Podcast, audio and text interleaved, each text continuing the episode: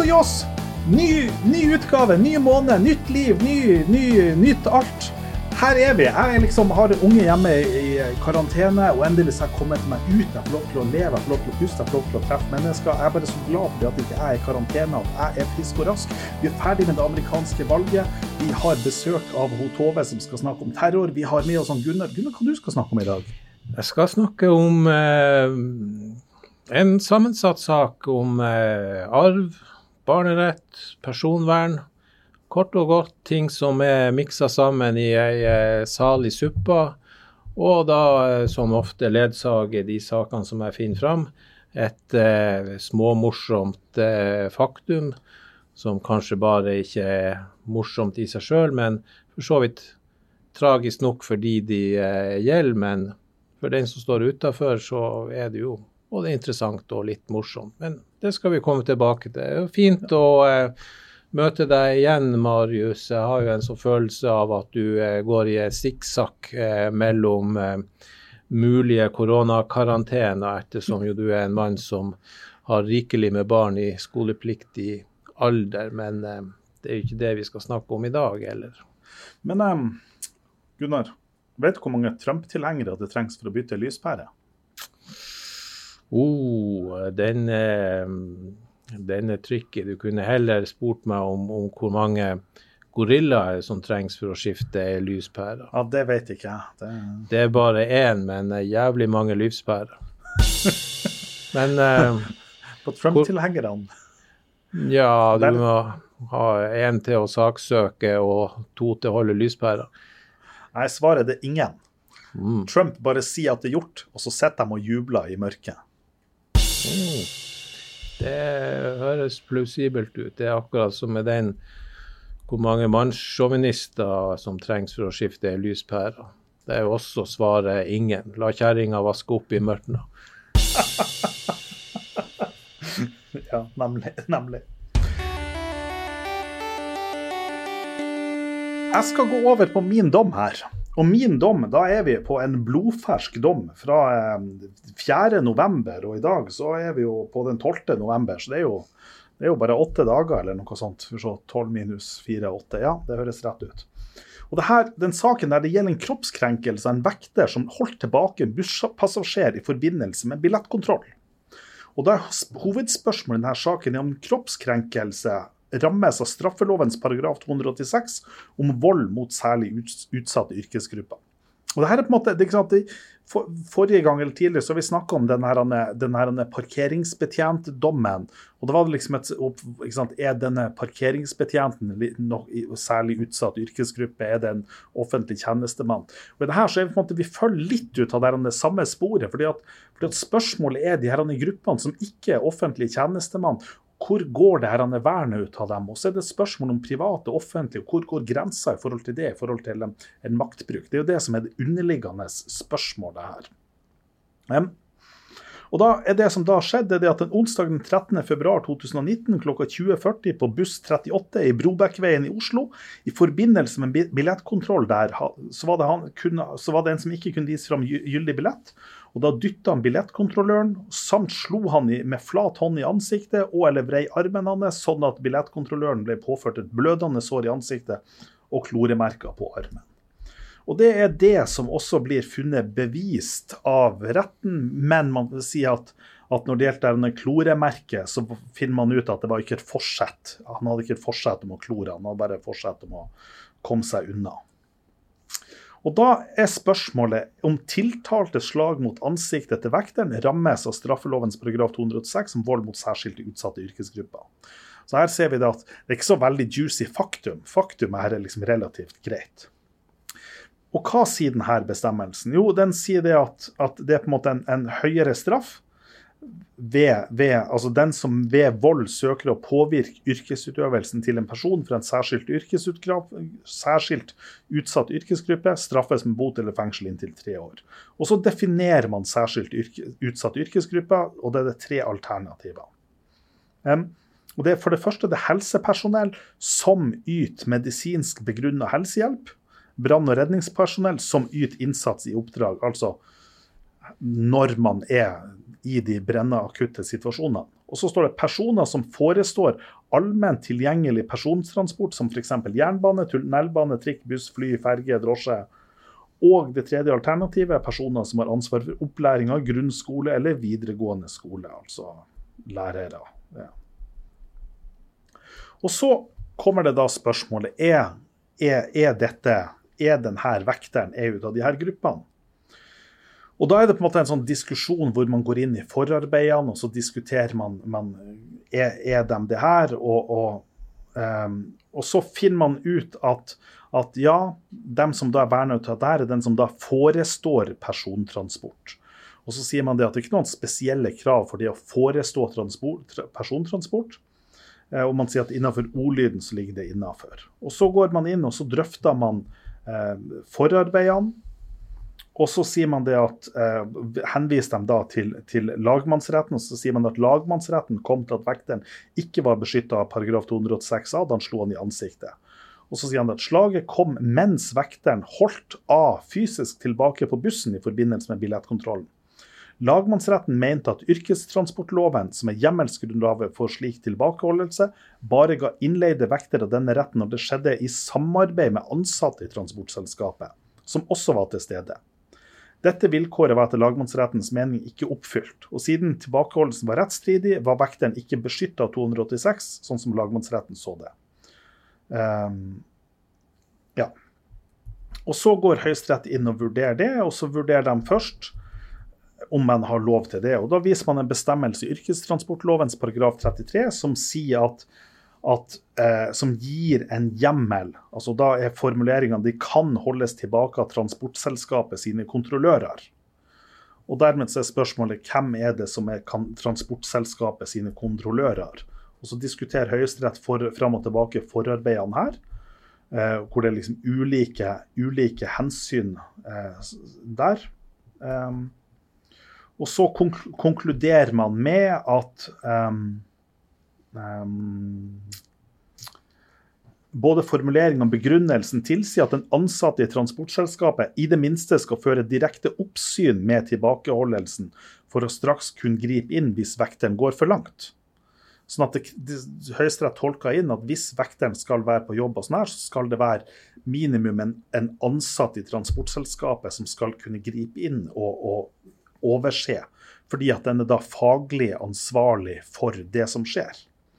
Um, og det lar seg ikke i praksis ikke forene med at, med, at, med at, en ansatt er en sjåfør, fordi at sjåføren kan jo ikke overse det her i praksis. Og Dermed så sier Høyesterett at lagmannsrettens eh, rettsanvendelse var riktig.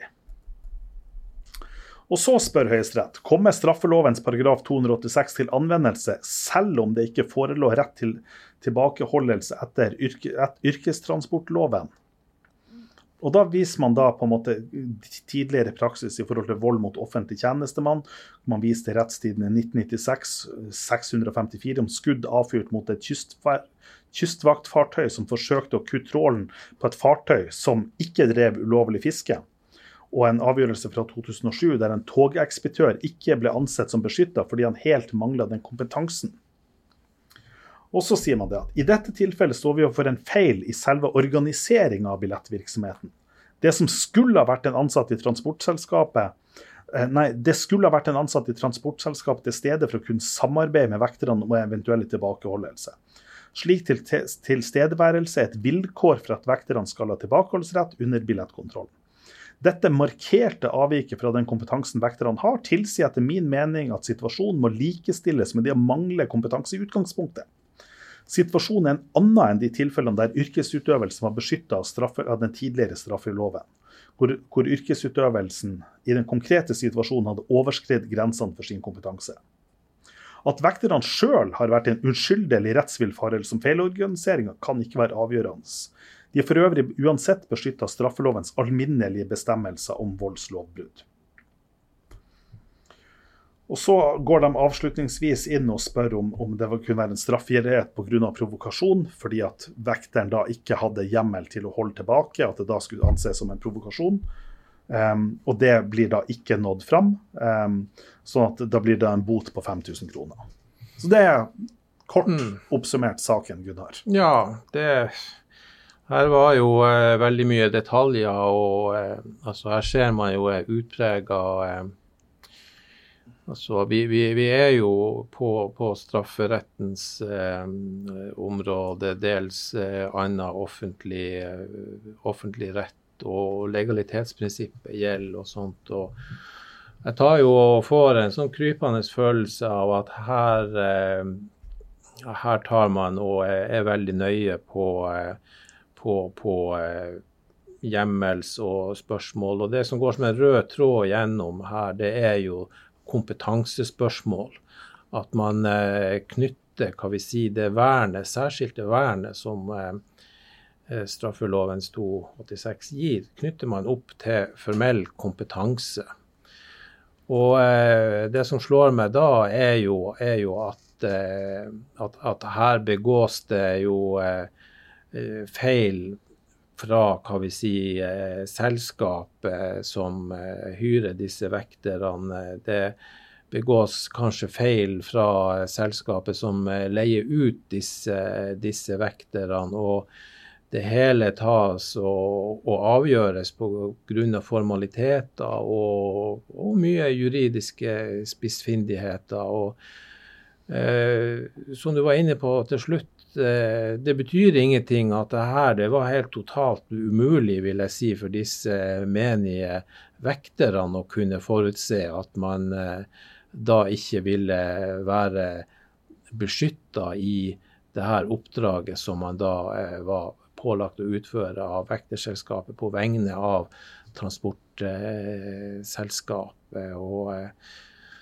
jeg sitter igjen med en sånn sånn følelse av at før har jeg vært en, en, en vanlig vekter eh, som ja, har blitt utsatt for det. Altså, greit nok, du er beskytta, som dommeren sier, av en alminnelig borgerlig straffelov og de bestemmelsene der, men hvis du da hadde forventa at eh, den særskilte risikoen du eh, eh utsetter for, er beskytta av et eget straffebud som jo kanskje vil være naturlig å eh, mm. tro ettersom jeg var i villfarelse om det, så vil jeg oppfatte denne avgjørelsen som, som svært, eh, svært, svært urettferdig. Og, eh, og da eh, kanskje et eksempel på et systemsvikt som mm. tar oss og går utover, utover noen som kanskje ikke det fortjente å gå utover. Nemlig.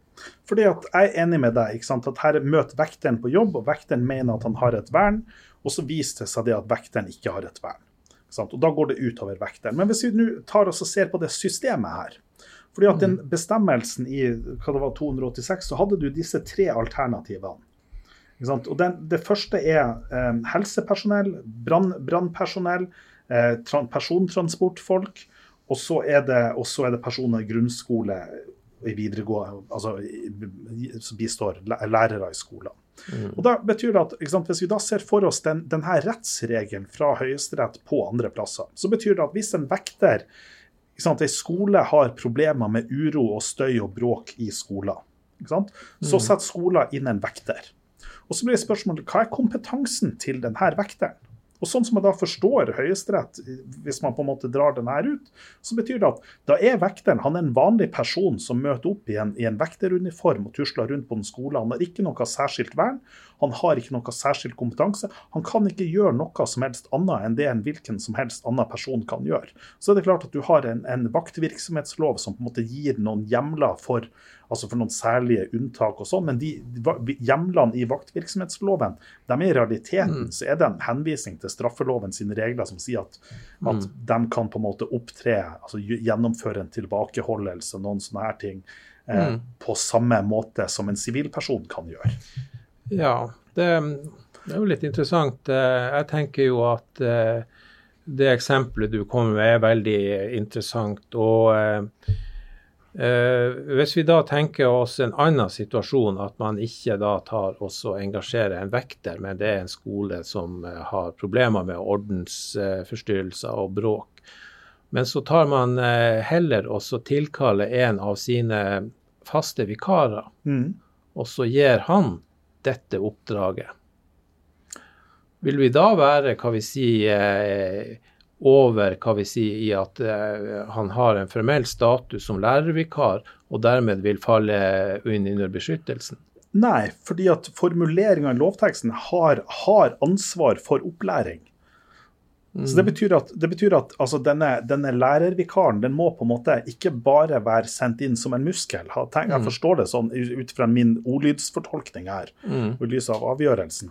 Så tenker jeg at Han kan ikke bare være ledet inn som en muskel, det må på en måte være en faglig ansvarlig for det. Det betyr at, mm. at denne lærervikarmuskelen det må på en måte være en lærer som på en måte vurderer denne kompetansen til han, og som måtte vurdere hvor langt det han kan gå.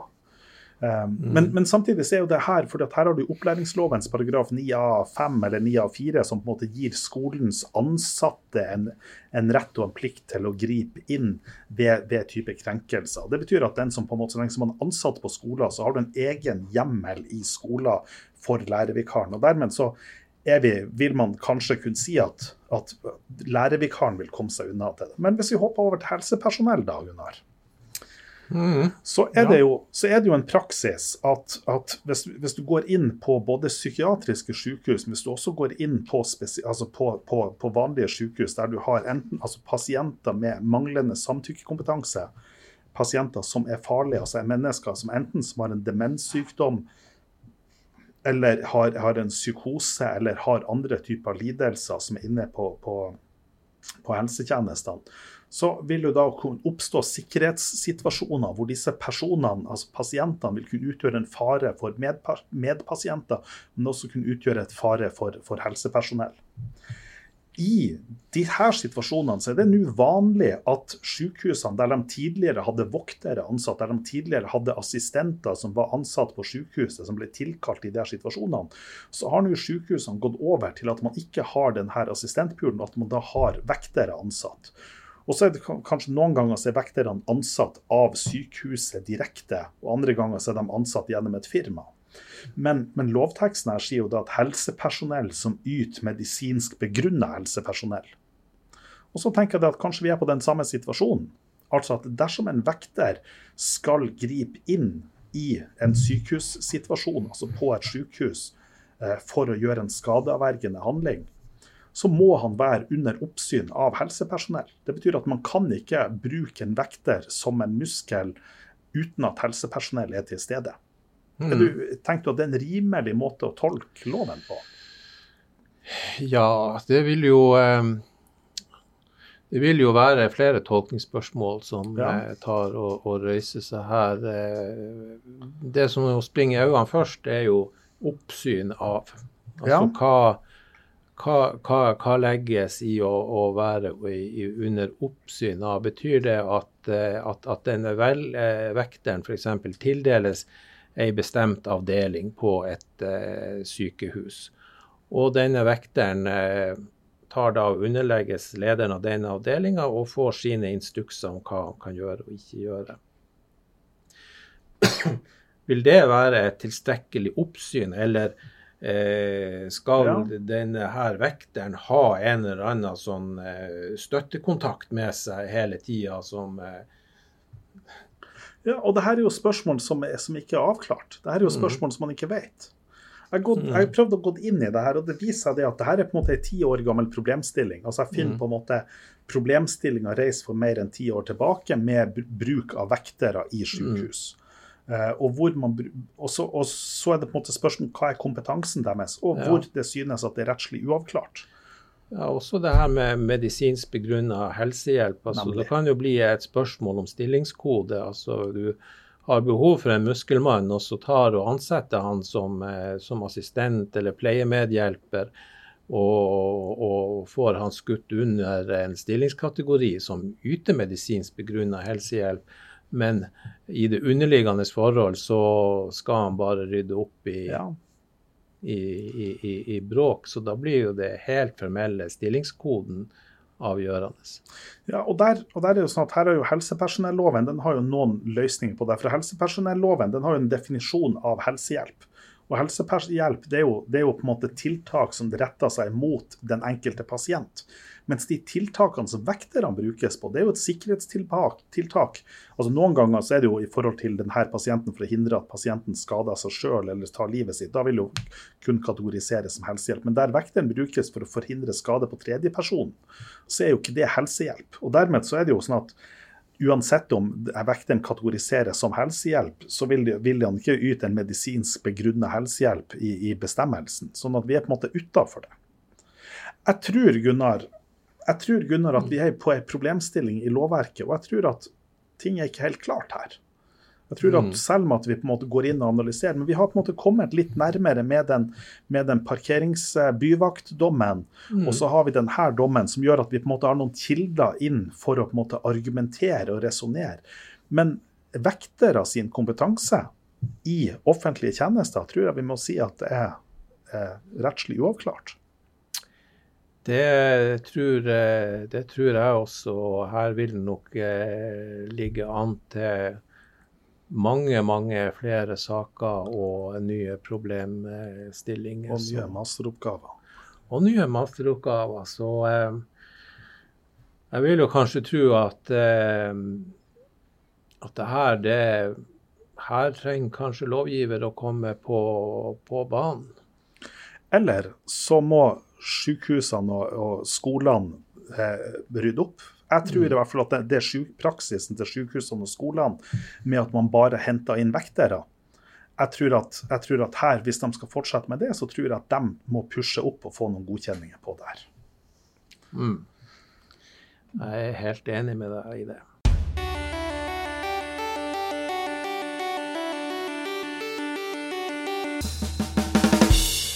Da, Gunnar, skal vi gå over på Gunnars dom.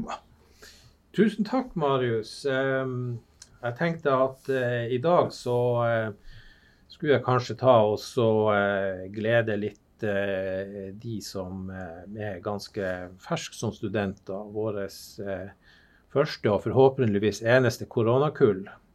Stakkars som, studenter. Ja, stakkars. Jeg håper jo at det her skal gå over. Men eh, jeg har i hvert fall hatt gleden av å, eh, å ha eh, vårt førsteårskull i arverett. Og eh, de har eh, begynt i eh, høst også da med barnerett. Og saken min den kan studentene ta og finne igjen i rettstiden 2013, side 565.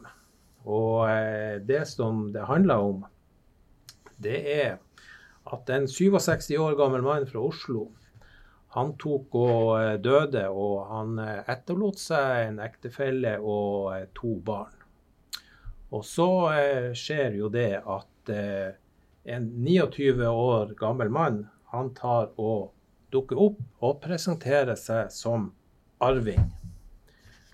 Ektefellen hadde da fått samtykke, eller hun trengte jo ikke samtykke da. Eh, hun ville jo trengt samtykke fra han som dukka opp, men fra sine livsarvinger hadde hun på, brukt retten til å sette seg i urskifte med avdøde sine midler. Det viste seg at denne her karen han hadde denne her 29-åringen eh, eh, på si.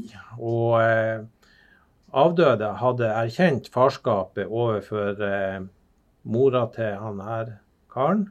Han hadde betalt barnebidrag i det skjulte. Og det fremkommer også søtt nok at han også sendte kort til konfirmasjonen. Men eh, ellers så var det lite med samkvem mellom eh, far og sønn, som da tok og levde et hemmelig dobbeltliv, kan man si, med sin nye familie. Og så dukker karen her opp, og eh, han krever arv. Det som da skjer, er jo da at eh, urskifteboet eh, bestrir uh, det her slektskapet. Og det her, det her, går etter ny eller gammel arvelov? Det må vel gå etter gammel? Går, det her går etter gammel arvelov. Jeg sa jo det var rettstiden 2013. Ja. Så det er Forutsetter vi at ja. alle programledere følger med på alle detaljer? Ja, det må vi eh, forutsette. Men eh, løsninga ville ikke blitt så mye annerledes eh, uansett. Eh, gjenlevende eh, vil være i urskifte, og det dukker opp et særkullsbarn. Og da er regelen både etter 72 og 2019-loven særkullsbarnet må samtykke. Urskifteboet tar da og blir stevna, og urskifteboet tar og bestrir at det er noe slektskap. Og hvordan skal da 29-åringen ta og komme videre med det?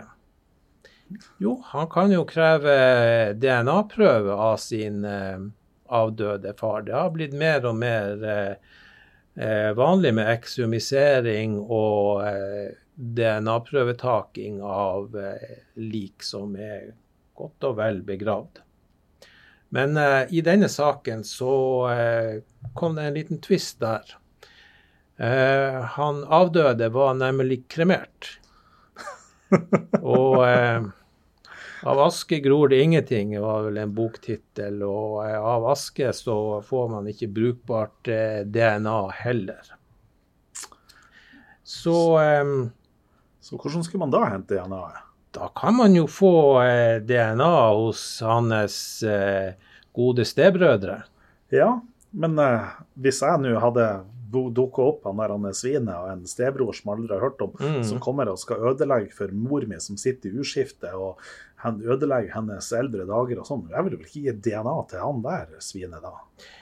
I dommen, eller eh, nå gjør jeg jo da en, en, en studenttabbe som jeg vil eh, be alle som går på førsteavdeling å avstå fra. At eh, det var ikke en dom, det var en kjennelse. De har veldig lett for oss å eh, kalle alle avgjørelser for dommer, men det er nå en liten detalj. Men eh, greit å være obs på. I kjennelsen så står det avdøde sønner vil ikke avgi blodprøve eller annet biologisk materiale til DNA-analyse. Nemlig. Så eh, du Marius, du er, du er på mor, mors et parti. Jeg er på mors sitt parti. Ja, Hører du det, mamma? Hører du ja, det? ja, ja, ja. Gamlingen er en askehaug, og eh, du tar ikke også sørger for å klippe neglene dine før denne slubberten har eh, forsvunnet. Heller ikke klipp håret. Harald Hårfagre. Nei da, du går, går med dusjhetta eh, fram til fyren er borte. Ja. Ja, men eh, Men så eh, så, eh, så så skjer det jo da en, en, en, liten, en liten twist. Eh, det viser seg at det fantes en vevsprøve fra avdøde på patologisk avdeling på Oslo universitetssykehus. For uh, uten at jeg vet helt sikkert, så var det vel kanskje en, en, en, en årsak til at han godeste far døde i en relativt ung alder av 67 år. For dere på førsteavdeling er jo det sikkert utrolig gammelt og helt naturlig at man bare kreperer, men uh, jeg vil jo tro at uh, for vi som nå kommer til mer skjellsår år og alder, så er man enda en, en, en, en ungdom da. Ja, et barn. Et barn. Man har jo da fremfor seg eh, siste sjarmøretappen, hvor man skal ha fri hele dagen og gjøre hva faen man vil. Nyte sitt otium. Nyte sitt opium, ja. Det er viktig.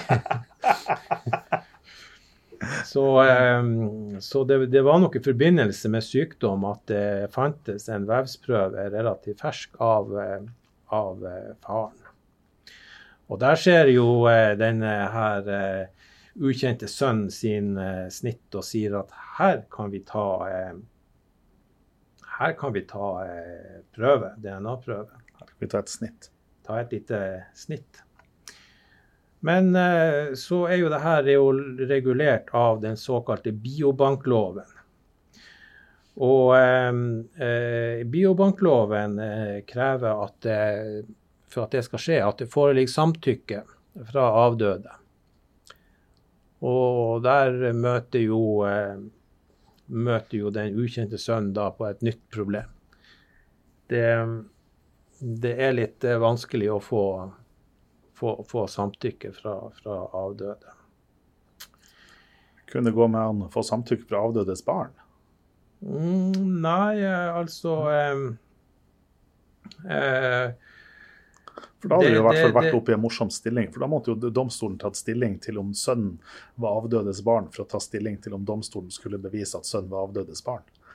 Ja, det, det, det ville ha blitt ei eh, veldig morsom problemstilling. Men eh, eh, biobankloven krevde da at eh, det måtte eh, altså være samtykke fra avdøde. Og det forelå jo ikke noe forhåndssamtykke eh, heller. Men så eh, tar eh, den ukjente sønnen og så spiller da ut et siste kort, nemlig barneloven.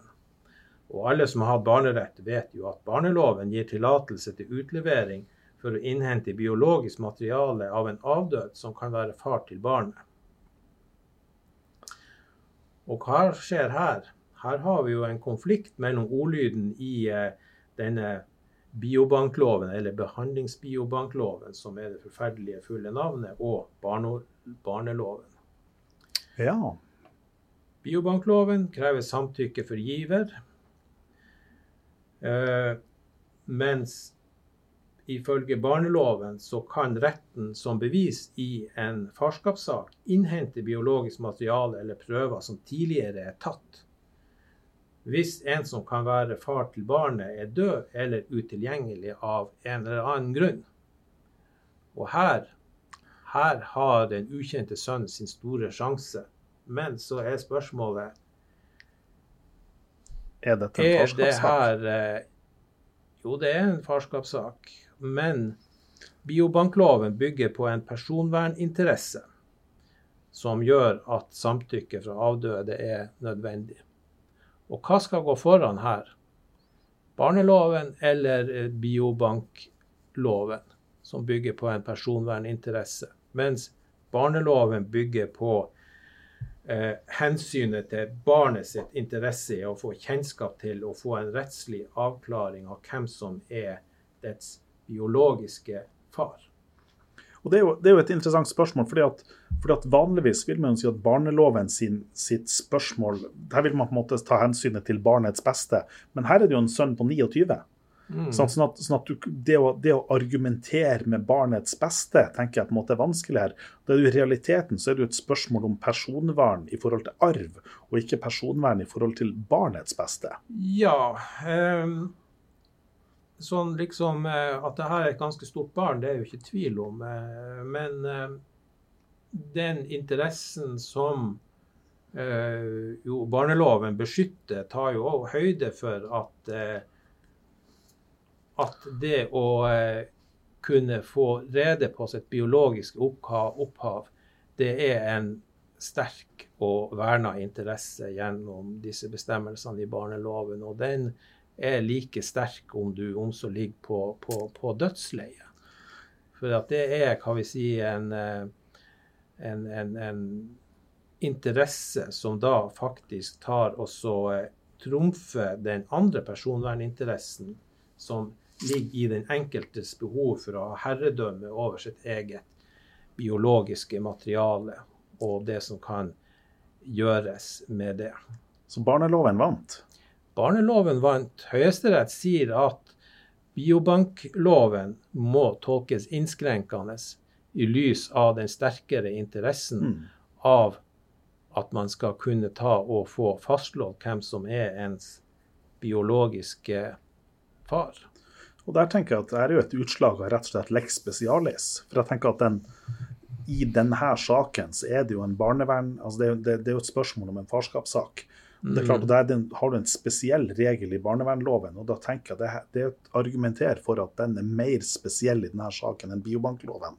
Ja, nå er du eh, er superteknisk. Nå er jeg på litt gyngende grunn. Jeg tenker at jeg vil eh, barrikadere meg med at det skjer ei innskrenkende eh, tolkning. Eh, men jeg følger synspunktet ditt eh, veldig langt, for at eh, jeg har jo da tenkt litt på at eh, barneloven eh, er jo, som du hentyder på, mer spesiell fordi den tar også spesifikt sier at man kan innhente biologisk materiale fra noen som er død. Mm. Og, og, derfor er jo det en spesialregel, og, og trolig har du nok, eh, nok et, et, et, poeng i, i det. Men um, grunnen til at jeg tok opp uh, denne her, det er jo nettopp det som er litt i tida, nemlig det å bruke biologisk materiale. Vi har fått en DNA-teknologi som er veldig, veldig eh, god. Som bl.a. gjør at vi kan ta og, og, ekstrahere DNA fra forhistoriske dyr, dinosauruser, mammuter, og det snakkes jo om at, eh, at man kan gjenskape med så stor suksess DNA-sekvenser at man faktisk kan begynne å fikle med naturen og, og, og, og kanskje skape en ny mammut og andre utdødde dyr. Og det er jo fascinerende muligheter. og eh, jeg tenker også da på at dette her med sånn eh, ekshumanisering, eller hva det heter, det å grave opp lik mm.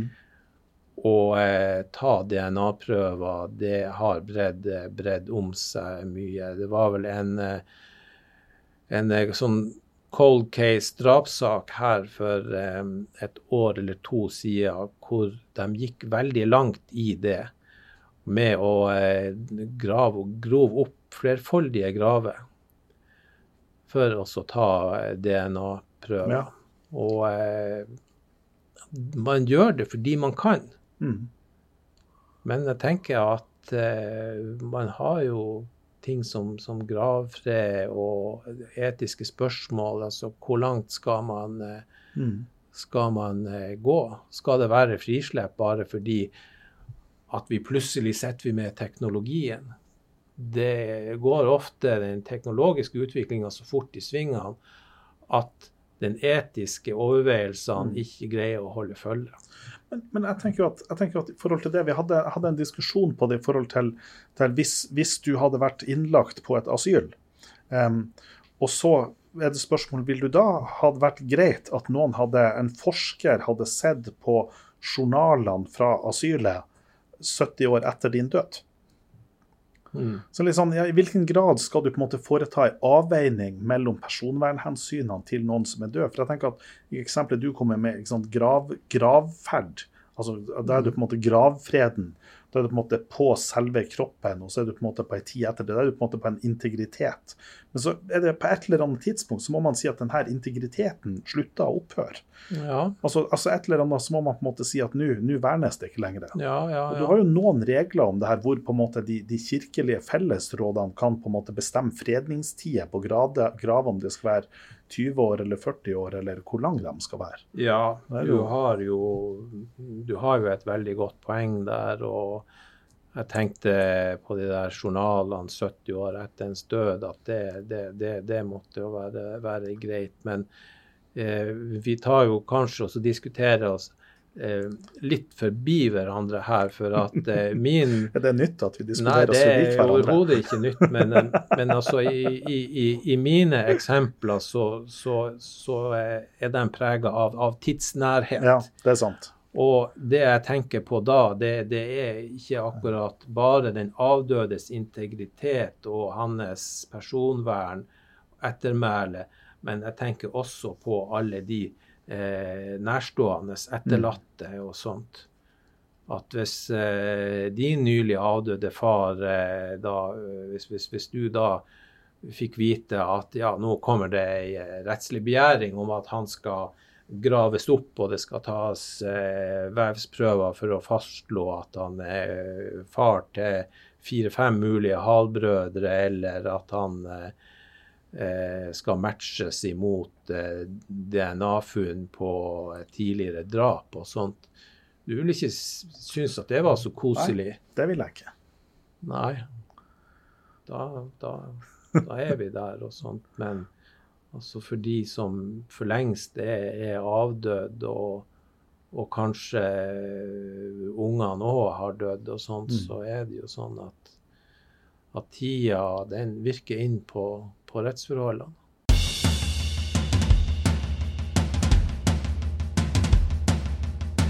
I dag har vi med oss en gjest, og gjesten det er hun Tove. Og Tove hun holder til borti gangen hos oss, og hun jobber med terror. Hun har jobba på Den internasjonale straffedomstolen, hun har jobba hos politiet. Hun har... Hvor, har du jobba, Tove, før du kom til oss? Hva har du gjort? Ja, hva har jeg gjort?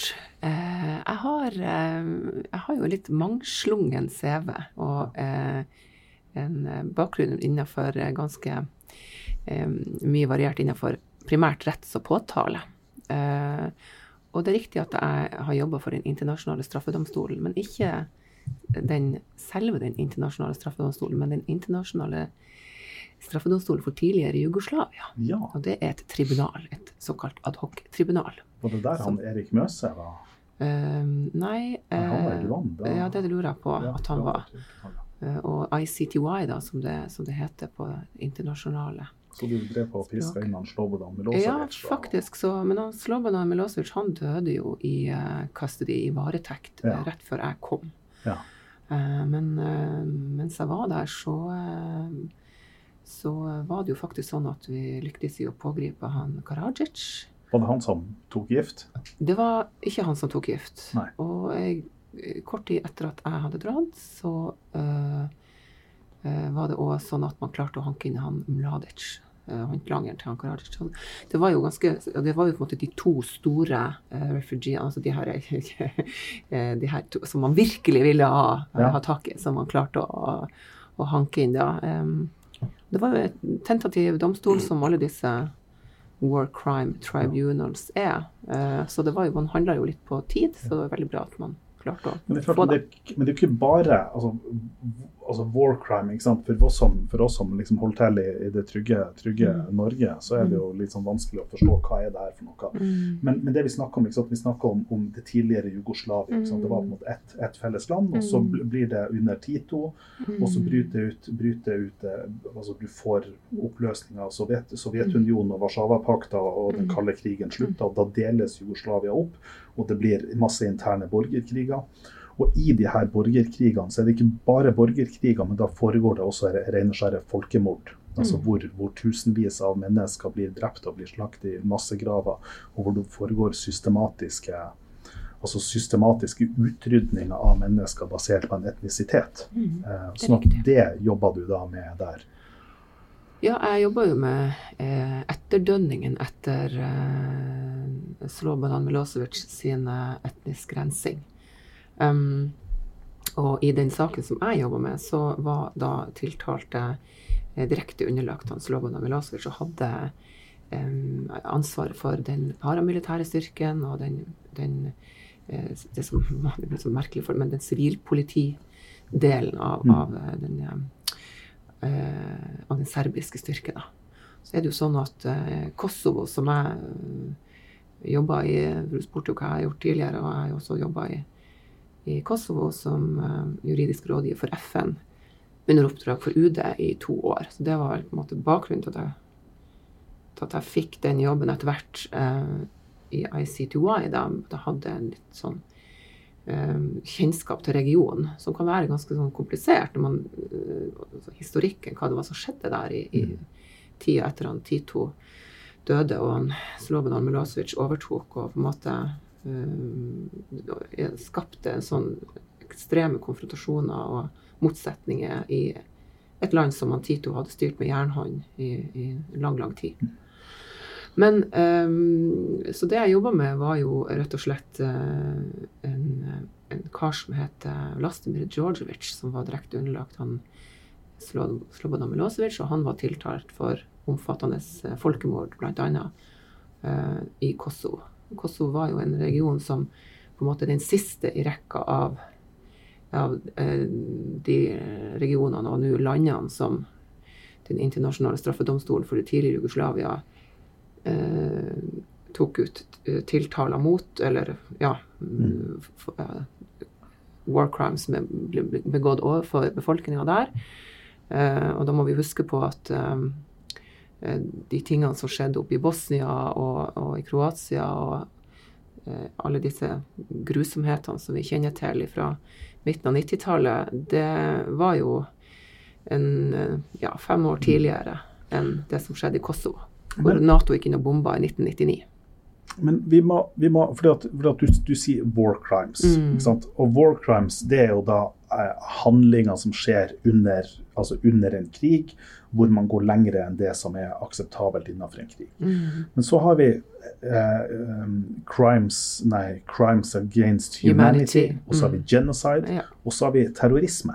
Hva er på en måte, Kan du si noe om forholdet mellom de her? Ja, men det, Ja, men det ikke, er- da, må jeg, da det er- jeg, må jeg jo rette litt på, for nå kommer jo du på en måte litt inn i mm, kjernen av min oppgave. Terrorisme Ja. er jo ikke en egen Nei. forbrytelse innenfor, innenfor den internasjonale strafferetten. Så det er jo helt rett at det er crime against humanity og uh, eh, Genocide. med folkemord. Ja. Så er det uh, aggression og war crime, som de fire Ja. store. Og det jeg skriver om, er jo uh, fraværet av en universell juridisk definisjon og en begrepsavklaring av begrepet terrorisme. Ja. Og så er det jo mange som mener, eh, og kanskje også med rette, hva, å stille spørsmålstegn med hva skal vi med en slik definisjon?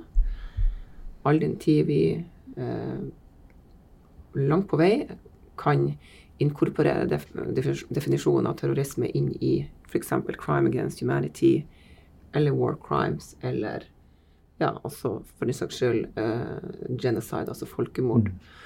Eh, og det er jo på en måte kritikken mot eh, det som jeg skriver om, altså hva, hva skal vi med dette her? Mm.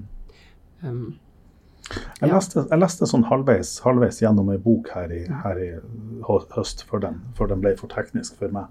Um, og, da, og da var det man på en måte skriver om det forholdet med war crime og, og genocide. Og hvor man på en måte sier at, at altså, når man på en måte har et, et, um, en rettsoppgjør etter, etter denne typen krigshandlinger, mm, så blir på en måte war crime det blir når du på en måte sier at her har man på en måte tatt livet ut av en folkegruppe, så vil man si at det er war crime. Men dersom du i tillegg kan bevise at man har tatt livet av denne folkegruppa for å, fordi at det er folkegruppe, altså med en hensikt Mm. altså at Forskjellen med war crime og genocide er at du må på en måte bevise et forsett.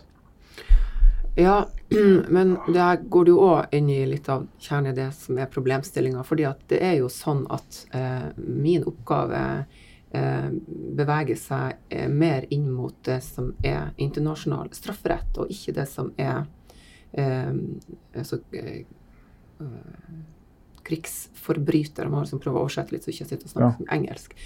Um, altså da som det på norsk eh, er, er, er ja, krigs, eh, krigsforbryter eh, Altså krigsforbryteri, eller Ja. em, Og da på engelsk er det jo da humanitarian law som på en måte regulerer de bestemmelsene innenfor war crime. Ja. Men Men- min oppgave går mer på den, på den biten som handler om um, alle disse terrorangrepene, alle disse terrorhandlingene som vi har sett bli begått. Problemstillingen er jo ofte er de begått i en krigssituasjon. Mm. Ta oss, la oss ta f.eks. 9-11. Uh, Mm. Var det en krigshandling? Mange vil jo si det. Uh, at det var en helt bevisst krigshandling mot uh, USA og deres styre. det. Ja, nemlig. Eh, mens andre vil si at ja, ja, men det ble jo begått i fredstid. Og da har du jo også en del Akkurat denne diskusjonen har jo da fått sitt utspring i en del nydannelser i forhold til disse eh, tribunalene, strafferettstribunalene, som f.eks. Libanon-tribunalet, eh, hvor, som er et eh, resultat av eh, en, eh, den tidligere eh, presidenten der ble skutt og drept, mm. og en rekke mennesker ble drept samtidig. Eh, og eh, man har da opprettet et hybridtribunal, hvor man tar utgangspunkt i internasjonal strafferett, men også bruker i utgangspunktet den libanesiske straffeloven, altså den interne lovgivninga som i, i, Libanon. vi, vi, vi, må, vi, må, vi må ta et, bare et lite skritt tilbake og så må vi bare se på det systemet av det her, sånn at vi er klare å forstå. Fordi at, fordi at Hvis jeg gjør en kriminell handling mot en nordmann i Norge, Mm, så vil jeg jo da behandles etter den norske strafferetten. mm. Og Hvis jeg drar til Sverige og begår en kriminell handling i Sverige, så vil jo den svenske straff være retten. Så hvorfor, hvorfor har man da et behov for en, en internasjonal strafferett? Burde ikke dette overlates til nasjonalstaten? Ja, Det er jo akkurat det som er så vanskelig, fordi at veldig mange av de terrorhandlingene som begås, eh, og også andre straffe, straffbare handlinger som begås, jo, blir jo begått ikke nødvendigvis av eh, ens egne landsmenn. Altså, det kan jo være at det er nasjonaliteter som er Nå var det ikke meningen å stille vanskelige spørsmål. Det var bare på, prøv, Ja, ja. et spørsmål for å prøve å få Ja. inn et system her og få felles eh, Ja, jeg forstår. Hvorfor, hvorfor vi ikke bare kan håndtere det internt? Ja, det er jo nettopp det at det blir ofte begått eh, på tvers av landegrenser, og det er en eh, grenseoverskridende kriminalitet. Og da er det behov for en mer universell utforming av, av måte den kriminelle og definisjonen av den kriminelle handlinga. Ja. Og det er jo derfor man har utarbeida eh, regulations og mm. eh, FN-resolusjoner, Ja. f.eks. innenfor den internasjonale straffedomstolen, altså ICC, hvor man har Ja. en Roma-traktat. Og det er jo den liksom store eh, måte over paraply-straffedomstolen som Ja. skal dekke veldig mange av disse forbrytere. Så utgangspunktet altså ved de store internasjonale grenseoverskridende, Mm. så er det ICC, International Court of Criminals. Criminal Court. Ja, International Criminal Court. Ja. Um, og så, der det er særlige større saker, så Mm. opprettes det egne tribunaler. Men disse egne tribunalene, er de underordna ICC, eller er de, de er basert på egne traktater? Ja, de er jo stort sett oppretta gjennom FN. Ja. Og det som er også spesielt med ICC, for å ta det, den er jo ikke ratifisert bl.a. av eh, USA. Så det gjør jo at um, eh, mange mener at gjennomslagskraften til den domstolen har begrensa verdi. Eh, og og, og kjernen i konflikten der går bl.a. på at USA mener man ikke bare kan uten videre skal kreve deres egne um, innbyggere eller borgere som har gjort noe straffbart, utlevert til ICC. Um, så det er en kjempekonflikt og en uh, politisk diskusjon. Og det gjør jo òg at mange mener at det er altfor få saker som bringes opp til ICC, for man man er i frykt for at man skal på en måte mm, gjøre en domstol politisk, Mm. som mange mener at den allerede er. Når det er sagt, så er jo veldig mange av de viktige avgjørelsene, også innenfor um, terrorisme som er begått i ulike land, stater, det blir jo avklart i nasjonalt. Mhm. Og um, Derfor er jo en stor del av min oppgave å redegjøre for bl.a. state practice, uh, som er en del av um, uh, internasjonal sedvane. Bare fortsett. Eh, altså international Ja. customary law. Så state practice, som du nevnte der, uh, hver stat Ja. gjør opp sine uh, tar ut sine tiltalebeslutninger og, kjører, og rettefører sine egne saker. Det er jo en stor, stor del av, av, det, av det totale bildet som handler om internasjonal strafferett. Og det er kanskje det som gjør det litt komplisert òg. Men, men da synes det som at terrorisme er noe forskjellig i Norge til USA? Ja, det kan være det. Altså, eh, eh, og la meg bare presisere det. Terrorisme er altså ikke et begrep som man kan bruke, fordi at det er ikke en juridisk definisjon på det, verken i Norge eller internasjonalt. Men man har i Norge en definisjon på terrorhandlinger og, eh, og eh, eh, ja, man kan, man kan si at handling er begått i terrorhensikt, men man har terrorisme som begrep har man på en måte utelatt innenfor altså, som legal definisjon.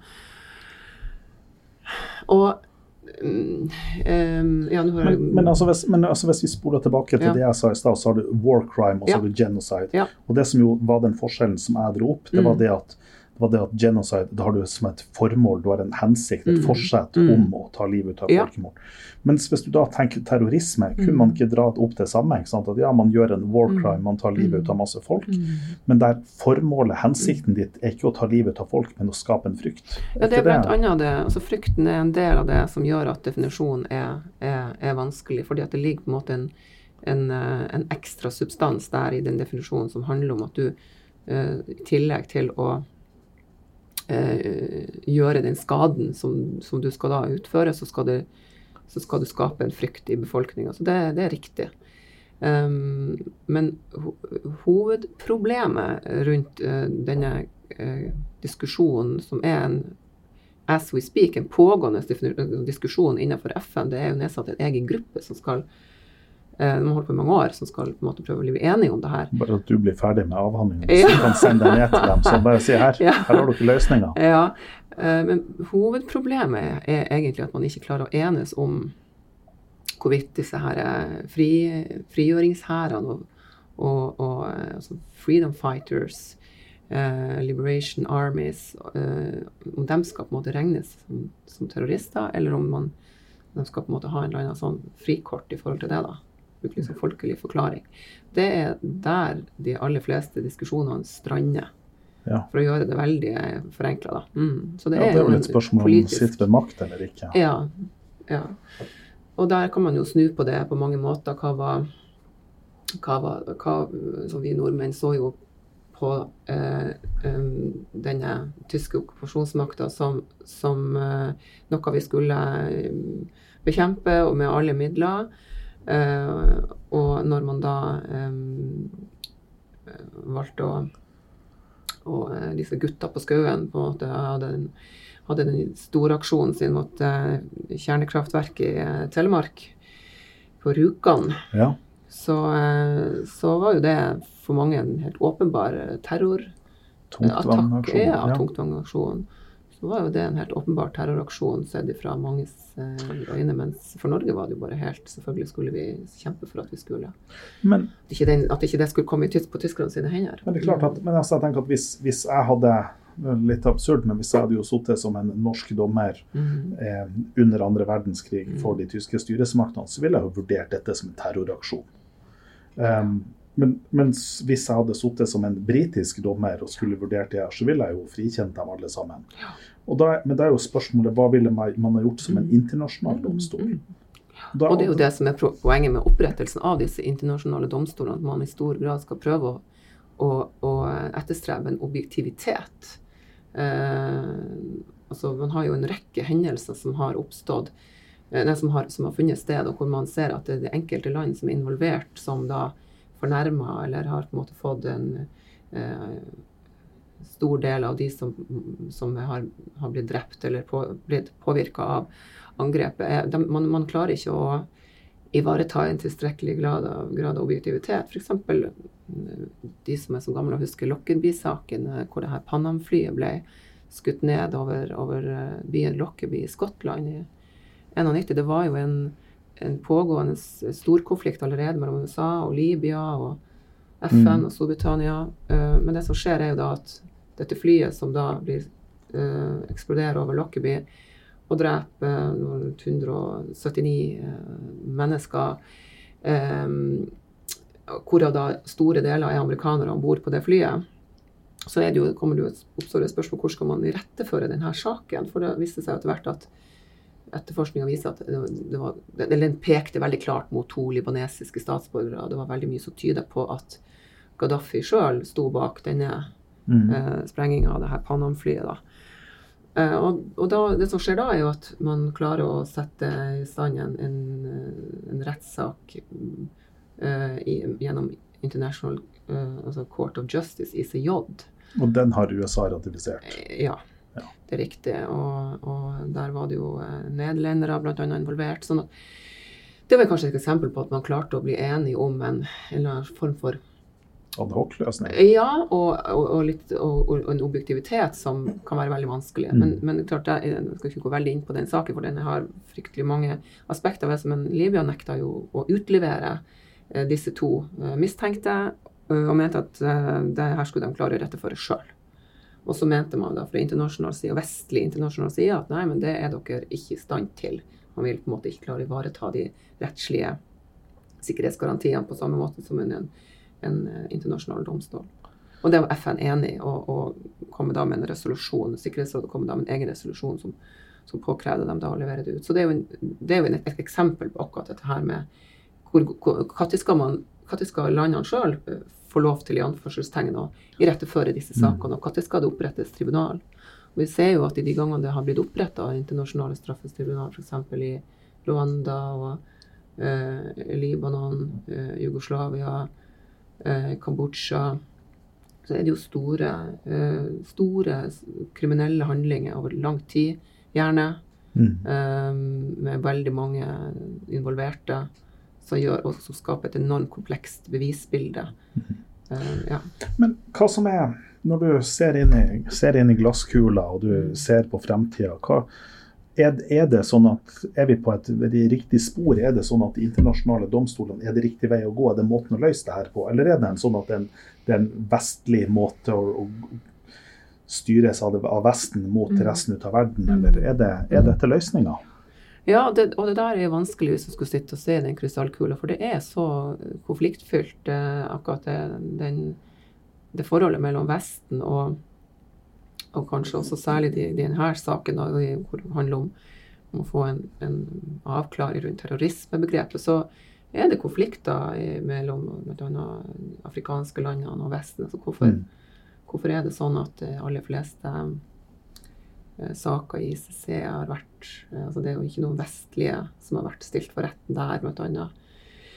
Eh, og man mener at, eh, at man i, altfor stor grad er, altså på en måte ser som, en, som skurken er på en måte de, Mm. ikke, de, de ikke-vestlige landene. Jeg tror jo at løsninga er eh, en, eh, en, en utstrakt bruk av internasjonale domstoler. Det tror jeg det er. Eh, og det er noe med hele prosessen fram til det. At det er ulike nasjoner som er med i, i retteføringa. Eh, I alt fra aktorering til forsvar til de som sitter i, i domstolen fra, Mm. fra hele verden som plukkes ut og sitter i, i disse domstolene. Og jeg tror løsninga er det, og det er noe som er på en måte å forsone seg i ettertid for at det blir et rettsoppgjør i disse sakene.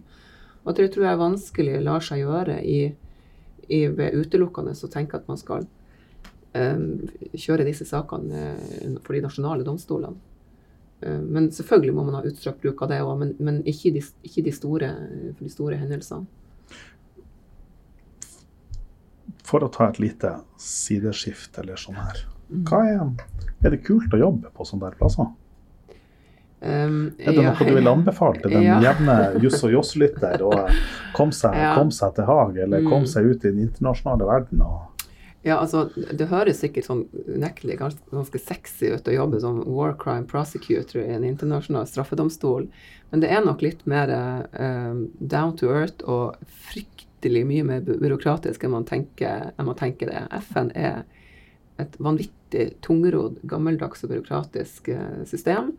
Um, og når man kommer fra Norge, hvor man egentlig altså, man har ganske sånn autonome løsninger på mange ting. og innenfor rettssystemet, hvor det f.eks. sitter hvor man kan få anledning til å jobbe som dommerfullmektig ganske tidlig etter man er ferdig utdannet jurist, og avgjøre egne saker. Eh, og du er ganske autonom innenfor retts og påtale når du sitter som politijurist eller statsadvokat, og så kommer du inn i en sånn ekstremt tungrodd byråkratisk organisasjon. Det kan være ganske frustrerende. Men det er veldig spennende, fantastisk artig å, å samarbeide med folk fra, fra hele verden. Um, og jeg var jo den eneste fra Norge i tillegg til to første statsadvokater fra Økokrim når jeg var nede i, jobba nede i Haag. Og du, du får litt perspektiv på altså, lille Norge, hvor vi er hen i, i, i verden. Um, ja, nei, men, men, men absolutt, altså, hvis man har lyst til å, å prøve å, å praktisere jussen i utlandet med det er jo mange muligheter eh, innenfor internasjonale organisasjoner, det trenger ikke bare være FN. Så er det virkelig å anbefale, for man får et helt annet perspektiv. Altså. Det er veldig spennende. og nå holder du på å skal avslutte doktorgraden din. Ja, jeg har jo da eh, i anstendighetens navn gått over to år igjen, så jeg er vel jo midt i løpet. Ja. Så du, men har du, har du funnet ut Begynner du å skjønne hva du holder på med? Begynner du å skjønne hva du skal gjøre? Og Nei. har du Nei. Nei. jo, nei da. Jeg, eh, jeg, har jo en, jeg har jo en klar tanke om hvor sånn noenlunde veien skal gå. Men, eh, men det, er en, det er et langt lerret å bleke, og det vet jo, vet jo du alt om, Marius. Det, eh, jeg er ikke i mål for jeg er i mål. Men jeg har veldig Trenger mye klor for det der lerretet. Jeg har gode, en veldig fin heiagjeng. Flinke veiledere. Tror jeg, skal, tror jeg skal klare å komme i mål. Men det er jo noe med å surre oppi de her eh, internasjonale dommene og tekstene og eh, skal grave seg inn i FN-statutter og regulation og resolutions. Altså det er, det, er, det er mye det er det å ta tak i. Men det, det, jeg, jeg syns jo det er artig, og håper jo at jeg kan være med på altså bidra til at man kanskje i en eller annen retning ser for seg at man kommer en vei. Jeg skal ikke invente the wheel, men jeg skal være med og kanskje en, lage en liten sånn, sånn stang i det her navet. Siste spørsmål før vi sender deg tilbake på hula di, der du skal gå tilbake og finne opp hjulet. I løpet av et langt liv som påtalejurist utlandet med å jobbe med de verste av de verste og de skumleste av de skumleste, har du noen gang blitt utsatt for trusler? Har du noen gang vært redd for deg sjøl? Ja, altså øh, For din familie? Ja, det er et godt spørsmål. Når jeg jobba i Haag, så så følte jeg meg at det var altså er veldig sivilisert samfunn, og så veldig sammenlignbart med hvordan vi har det i Norge. Og, og kjeltringene satt nå bak lås og slå deg, eh, og hadde, vi var på en måte veldig beskytta. Det var vi. Eh, det var veldig spesielt å stå, måtte stå ansikt med ansikt med, med disse tiltalte i, i, retten. Det skal jeg ikke legge skjul på, men jeg, jeg opplevde aldri at det var noen trua situasjon der. Mens når jeg jobba i Kosovo, så var det mange situasjoner som kan være veldig ubehagelige. Da jobba jeg jo ikke innenfor retts- og påtale, da var, det, var, jeg juridisk rådgiver og hadde hovedkontor i Pristina. Og der kjørte vi med bombesikra biler og måtte gå med pepperspray i veska. Um, og um, der var det jo sånn at um, de lokale altså Kosovo-serbere og kosovo-albanere var i vanvittig konflikt med hverandre. Og vi måtte sjekke under bilen hver dag for at det ikke skulle være bilbombe. Og det var FN-ansatte som ble drept. Så eh, når jeg var der i 2005, eh, så kom jo min gamle far på besøk, og min storebror. og eh, det husker jeg de syntes var veldig rart at vi måtte gå under bilen og sjekke for bilbombe, for vi kunne, vi kunne kjøre rundt med pansra kjøretøy og, og i Pristinas hovedstad, som er på størrelse med Oslo. da. Um, så, så, men så direkte trua følte jeg meg vel eh, aldri. Skandinavia og Norge har jo en veldig veldig høy status i, på Balkan. Uh, og det dro jeg nok nytte av. Ja. Uh, folk uh, fikk vite at jeg var norsk. Så, så, jeg hadde aldri noen sånne direkte ubehagelige episoder. Men det var det, Vi gikk jo på en måte var veldig klar over at vi var i en post war zone. Og Nato hadde jo vært og bomba der bare fem år tidligere. Um, og det var veldig mange som ikke syntes vi hadde noe som helst der å gjøre.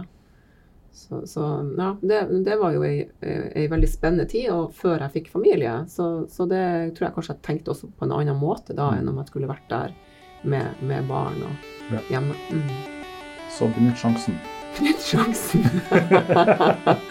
ja. Tusen takk, Tove. Og tusen takk for denne episoden av Juss og Joss.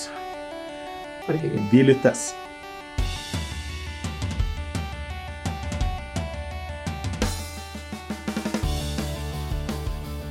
Podkasten Juss og Joss produseres i samarbeid med Result på Universitetet i Tromsø.